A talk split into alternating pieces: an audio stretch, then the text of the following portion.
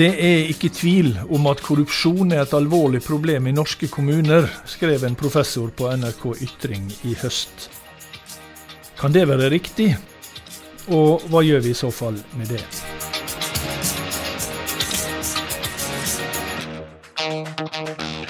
Der livet leves, en podkast fra KS. Velkommen til en ny episode av KS-podden Der livet leves. Jeg heter Kjell Erik Saure. I dag har jeg besøk av en som er svært godt kjent fra mange viktige roller. Hun var stortingsrepresentant i åtte år, hun var fylkesmann i Rogaland, og hun var statsråd for forskning og høyere utdanning, blant annet.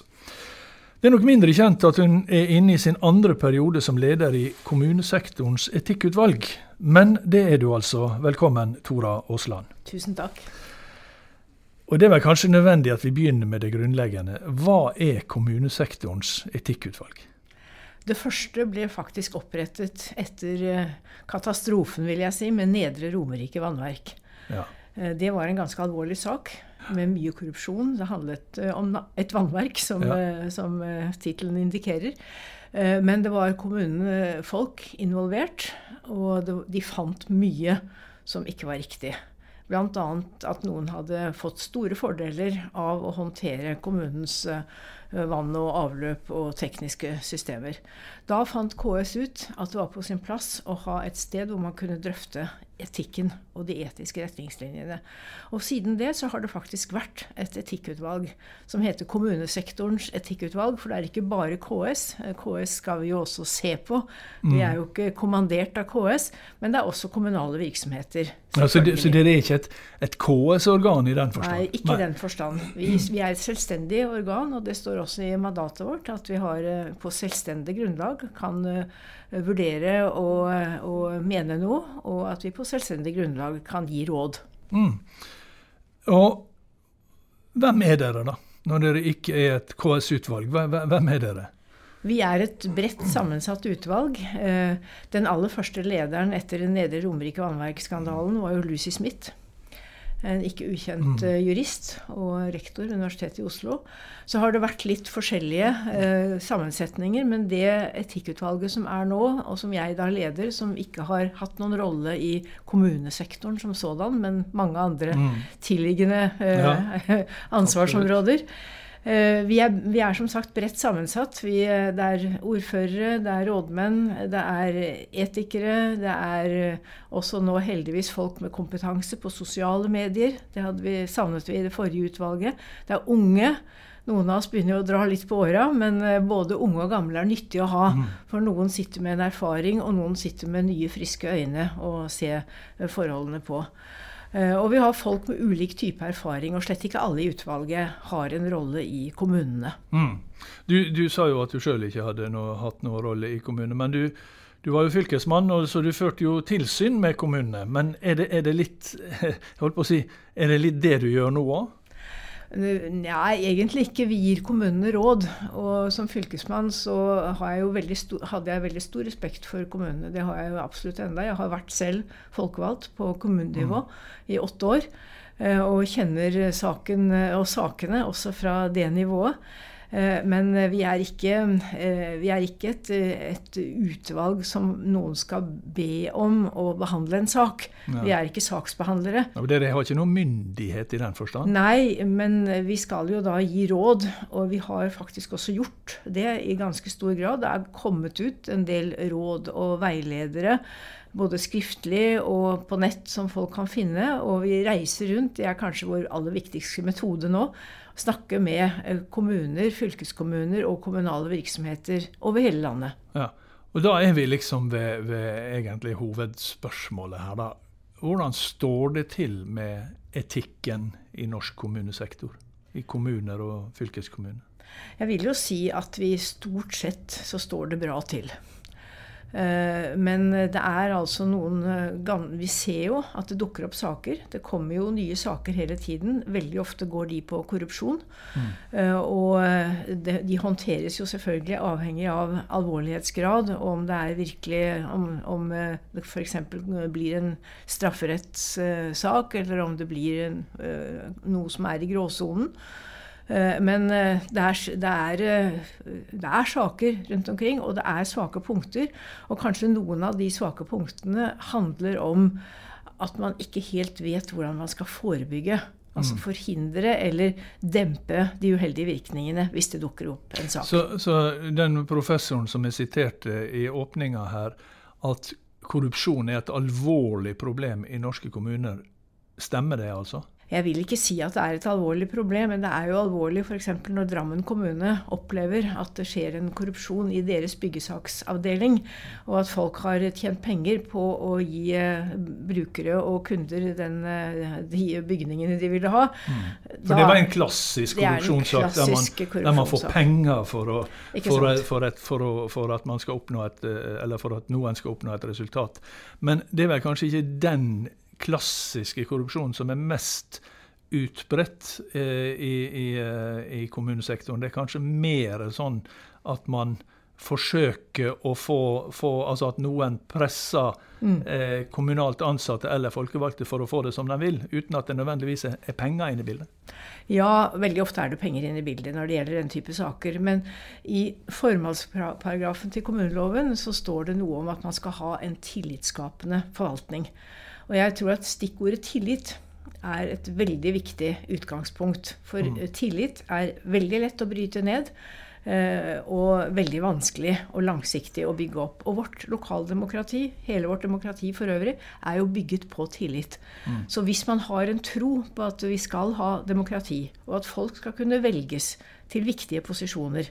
Ikke bare granskes og, og ansettes, men også velges. Mm. Så har man alltid, det gjelder for så vidt ansatte også, men man har jo alltid en fare for at uh, noen ikke er, har en så høy Eh, moral og er så tillitvekkende i sin atferd som man kanskje skulle håpet på. Mm. Og det det gjelder, det er å være klar over at eh, det fins en eh, Per Gynt overalt. Jeg pleier å bruke Ibsens Per Gynt som et Han var jo Han ville jo helst være som trollene og være seg selv nok. Mm. Prøv, pleier å bruke han som en illustrasjon på at en, også en nordmann eller en kvinne fra Norge, de kan også ha den lasten at de faller for fristelsen og, og tilrøve seg mm. noe fordeler som de ikke skulle hatt.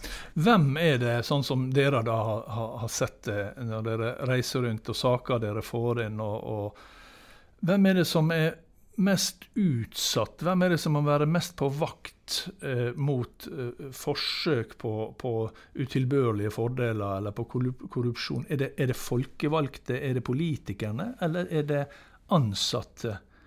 I kommunene? Det er begge deler. Eh, og derfor Når man utarbeider et etisk regelverk, så bør jo det gjelde både for ansatte og for politikere. Det er litt, selvfølgelig litt forskjell i rollene. Men eh, kan, altså den saken i Drammen handlet jo om ansatte, men vi har andre saker som også involverer f.eks. Nedre Romerike Vannverk. Involverte jo også politikere. Eh, og, så det er egentlig ikke noe enten-eller der. Det er eh, begge deler, begge grupper. Men det er klart, den, det demokratiske systemet, hvis det ikke er tilstrekkelig ja, for å bruke ordet tilsyn og kontroll, hvis man ikke har gode forebyggingsrutiner på mm. at det kan skje noe, så, eh, så, er selvfølgelig de folkevalgte utsatt hvis de eh, ikke helt Hvis de faller for noen fristelser. Og de ansatte kan være utsatt. Og de undersøkelsene som har vært gjort, viser at den delen av en kommune eller fylkeskommune som er mest utsatt og sårbar, det er alle de som har med byggesaker å gjøre. Nettopp. Altså de som har med utbygging å gjøre. Det er utbyggere som ja, ønsker utbyggere. å få det som de vil. Når jeg en gang ble spurt om, om hvilke, er det noen yrker som helst ikke burde vært valgt inn i et kommunestyre eller et fylkesting, så sa jeg at vi skal jo ikke ha yrkesforbud her i landet. Alle må jo i prinsippet kunne velges inn, men jeg vil advare mot eiendomsutviklere. For de sitter jo da i, ofte i glasshus og er, har en jobb hvor de skal utvikle eiendom, og det er jo ofte veldig fristende å mm, misbruke en, en posisjon i så i, en kommune. Så i den grad de blir valgt inn, da, så må de, så må de i alle fall være ekstra påpasselige? Ja, vi har jo gode regler for habilitet og slike ting, ja. så stort sett så går også det bra. Mm. Men det vi vi har sett da, som en, vår hovedoppgave fra Etikkutvalget, det er å være å ha, uh, gi råd til kommunene om hvordan de kan forebygge, hvordan de kan f.eks. lage risiko- og sårbarhetsanalyser. Hvordan de kan prøve å unngå å ha rutiner som gjør at de unngår uh, at noen misbruker sin mm. tillit. Mm. Eh, dette med, med, med, med, sånn forsøk på å få, eh, på å få utilbørlige fordeler, som det heter da, eller, eller korrupsjonsforsøk, det har, vet dere noe om det er mer eller mindre utbredt i store eller små kommuner? Hvor er, hvor er problemet størst? Det har de ikke klart å finne ut av. Om det er størst. Det er veldig lett å påstå både det ene og det andre. At ja, det enten er mest størst i store og størst i små. Men det viser seg å være liten forskjell. Altså Det hele avhenger av egentlig den om, om, om man klarer å få fram den uh, viktige bautaen som tilliten er. Mm. Om man klarer å av, ha rutiner som avdekker at noen er ute på ville veier.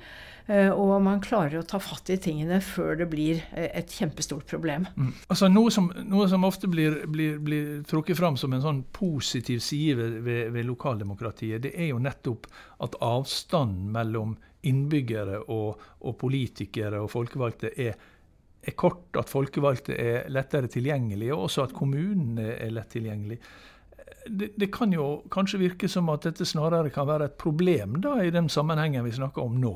At det blir for eh, kort avstand? Ja, altså det, det, er klart at der må jo enhver som både som er ansatt i en kommune og som blir folkevalgt i en kommune, være klar over at det er noen viktige forvaltningsregler som gjelder og at det skal være maksimal åpenhet. Og det er jo noe vi har anbefalt fra Etikkutvalgets side. Åpenhet om hvem f.eks. som driver lobbyvirksomhet. Også ikke bare i kommunestyret i forhold til kommunestyrerepresentanten, men også i partigruppene og i forarbeidet til en eller annen viktig utbyggingssak f.eks. Åpenhet, eh, som er selvfølgelig en del av den tilliten man er helt avhengig av. For på den ene siden så ønsker vi jo tillit. Vi ønsker at demokratiet vårt skal være tillitsbasert. Og mm. at når du velges inn, enten det er en liten eller stor kommune, og har et stort eller lite nettverk, så kan det selvfølgelig være et problem hvis du lar deg bruke. Men det kan være en stor fordel hvis det er en, en god, innenfor en god forvaltningsskikk. Mm. Uh, og det er jo det vi vil prøve, å veilede folk til at de går på den riktige veien her, og, ikke, og at alle overordnede, dvs. Si ordførere, formannskap, uh, fylkesutvalg uh, eller rådmenn for den saks skyld, at de også har et, en, en, vet at de har en god rutine. Mm. Du, du, har nevnt ordet tillit flere ganger nå. og jeg tror det var Lenin som ble tillagt dette at, at tillit er bra, men kontroll er bedre. og, og Om sitatet helt, var helt det, det, det, det er noe så. Men, men eh, også er det noen som sier, har snudd på det og sier kontroll er bra, men tillit er bedre. Altså, Det du sier, tyder jo på at det, begge deler er viktig. Ja, det er veldig viktig. Og det er jo viktig at ikke kommunene har en for stor aversjon mot kontroll. Mm. Eh, ofte så er det en del av konflikten mellom stat og kommune. I den grad jeg har jo den erfaringen som fylkesmann at det er ikke alltid like, like populært å komme ut med en eller annen kontroll mm. eller tilsyn. Og mye av kontrollarbeidet er jo også etter hvert overført til kommunene selv. At man mm. har en god eh, egenkontroll og har gode rutiner for det. Men eh, jeg tror alle må se på kontroll som noe viktig. Eh, også politikerne og også de ansatte. Og det er jo ikke vanskelig å finne eksempler på at ansatte f.eks. i en skole eller sykehjem eller hva som helst syns det er veldig greit å få en kontroll som mm. viser at her er det for lite ressurser. Her ikke, har ikke kommunen gitt mm. oss nok handlingsrom. Så kontroll trenger ikke å være en motsetning til tillit? Nei.